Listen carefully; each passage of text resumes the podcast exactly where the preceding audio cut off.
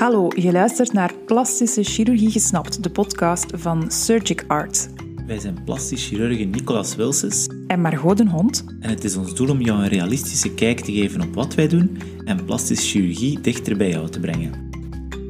Ikzelf, ik ben Nicolas. Ik werk in het Sint-Trudo ziekenhuis en in de Essence praktijk, beide gevestigd in Sint-Truiden. En ik ben Margot. Ik werk in het ziekenhuis Oost-Limburg in Genk, Lanaken en Mazeik. Je kan ons vinden op Instagram en op Facebook onder de naam @artinsurgery, telkens met een puntje tussen, of op onze website www.plastischechirurgielimburg.be in één woord.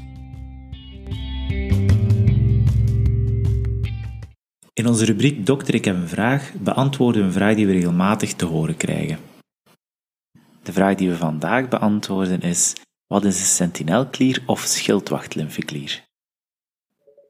Een sentinelklier of een schildwachtlymfeklier, dat is een klier, een lymfeklier, die we gaan opsporen in het kader van melanoom of ook in het kader van borstkanker.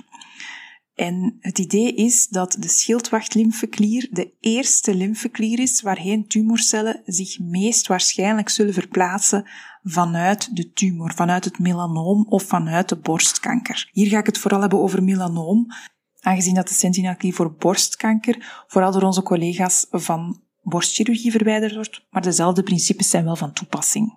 Als er melanoom of borstkanker wordt gediagnosticeerd bij een vrouw of bij een man, dan gaat op basis van het stadium waarin de tumor zich bevindt een inschatting worden gemaakt hoe groot de kans is dat een slechte cel, dat een kankercel zich verspreidt via het lymfesysteem naar de lymfeklieren. En als die kans vrij groot wordt geacht, dan gaan we beslissen om tijdens een operatie de sentinelklier of de schildwachtlymfeklier te verwijderen. Om te screenen onder de microscoop dat er zich geen tumorcellen in die klier zich bevinden. Meestal gaat het om één klier, soms kunnen het ook enkele klieren zijn, maar het zijn in ieder geval de eerste klieren die eventuele kankercellen zouden ontvangen. Patiënten die gediagnosticeerd worden met borstkanker met een melanoom gaan in de eerste plaats een aantal stagingonderzoeken krijgen. Echografie, RX, mogelijk een PET-CT-scan. En op basis van die onderzoeken wordt er gekeken of er verdachte letsels aanwezig zijn in de lymfeklieren in andere organen. Als er geen verdachte letsels aanwezig zijn, dan gaat afhankelijk van het stadium waarin de tumor zich bevindt, er toch beslist worden om te gaan screenen naar de sentinelklier, om te kijken dat er onder de microscoop toch geen slechte cellen aanwezig zijn. Dus alhoewel dit niet op beeldvorming wordt gezien, macroscopisch, gaan we toch kijken microscopisch dat er geen kankercellen aanwezig zijn. Voor een melanoom is het wegnemen van zo'n sentinelklier een zeer belangrijke prognostische factor. Dat geeft belangrijke informatie over het risico op verspreiding van een melanoom in de toekomst. Hoe gebeurt zo'n operatie? Het is telkens een ingreep onder volledige verdoving.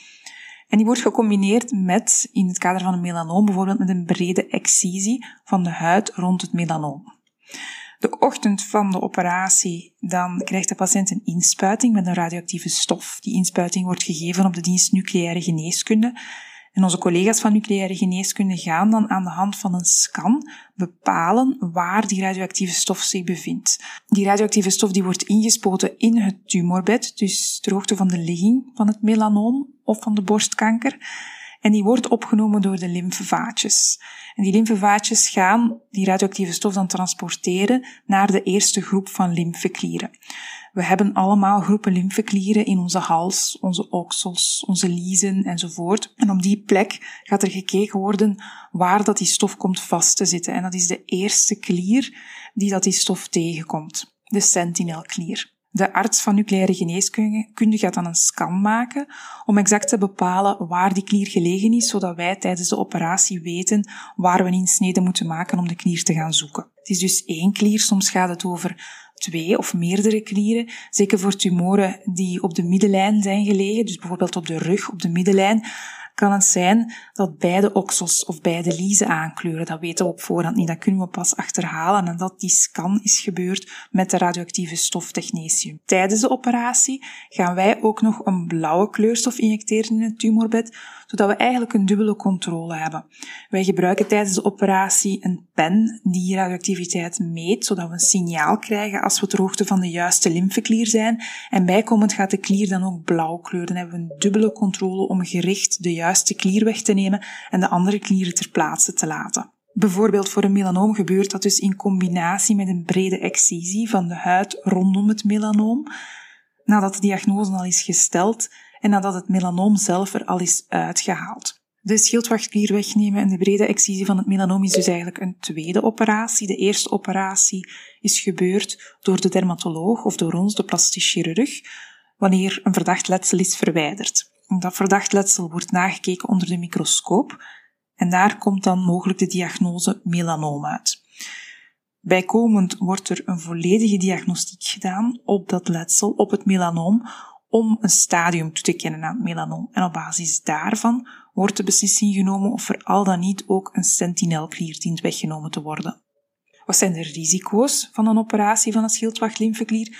Elke ingreep heeft uiteraard risico's. Er is een risico op een infectie, een bloeding, een wondprobleem of een ophoping van vocht, een seroom of zelfs een lymfoscheule waarbij er lymfevocht lekt. Anders dan bij een bloeding kan lymfe niet stollen. Dus als er een lek optreedt, dan kan dat vrij hardnekkig zijn. Een ander risico, weliswaar klein, maar is het risico op lymfedeem, op zwelling van een lidmaat, bijvoorbeeld zwelling van de arm, als er een klier in de oksel wordt weggenomen, of zwelling van het been, als er een klier in de lies wordt weggenomen. Dat risico is veel kleiner dan het risico bij een okseluitruiming of een liesuitruiming, dat is een ingreep waarbij alle klieren in de oksel of de lies verwijderd worden. Bij een sentinelklier is het risico op lymfedeem kleiner, maar het bestaat wel. Het is 1 à 4 procent, afhankelijk van hoeveel klieren er worden weggenomen. En daarom dat het ook telkens een belangrijke afweging is in welke mate dat het nodig is om die operatie uit te voeren. De beslissing om een sentinelklier te verwijderen wordt genomen als het risico op een uitzaaiing, een metastase van een melanoom groter is dan 5 à 10 procent. En dan gaan we die twee zaken in de weegschaal leggen. We weten dat het risico op lymfedeem kleiner is en dat we belangrijke prognostische informatie krijgen bij de diagnostiek op die klier naar de toekomst toe. Ziezo, hopelijk ben je hier wat mee op gang gezet. Bij vragen of onduidelijkheden aarzel niet om ons te contacteren. We zouden het ook heel fijn vinden als je meehelpt om deze boodschap te verspreiden, want zo kunnen we ons steentje bijdragen om beter te informeren. Heb jij een vraag voor ons? We beantwoorden ze graag anoniem in onze podcast. Stuur ons jouw vraag via onze website, ons e-mailadres of onze social media. Deze vind je terug in de beschrijving onder deze aflevering.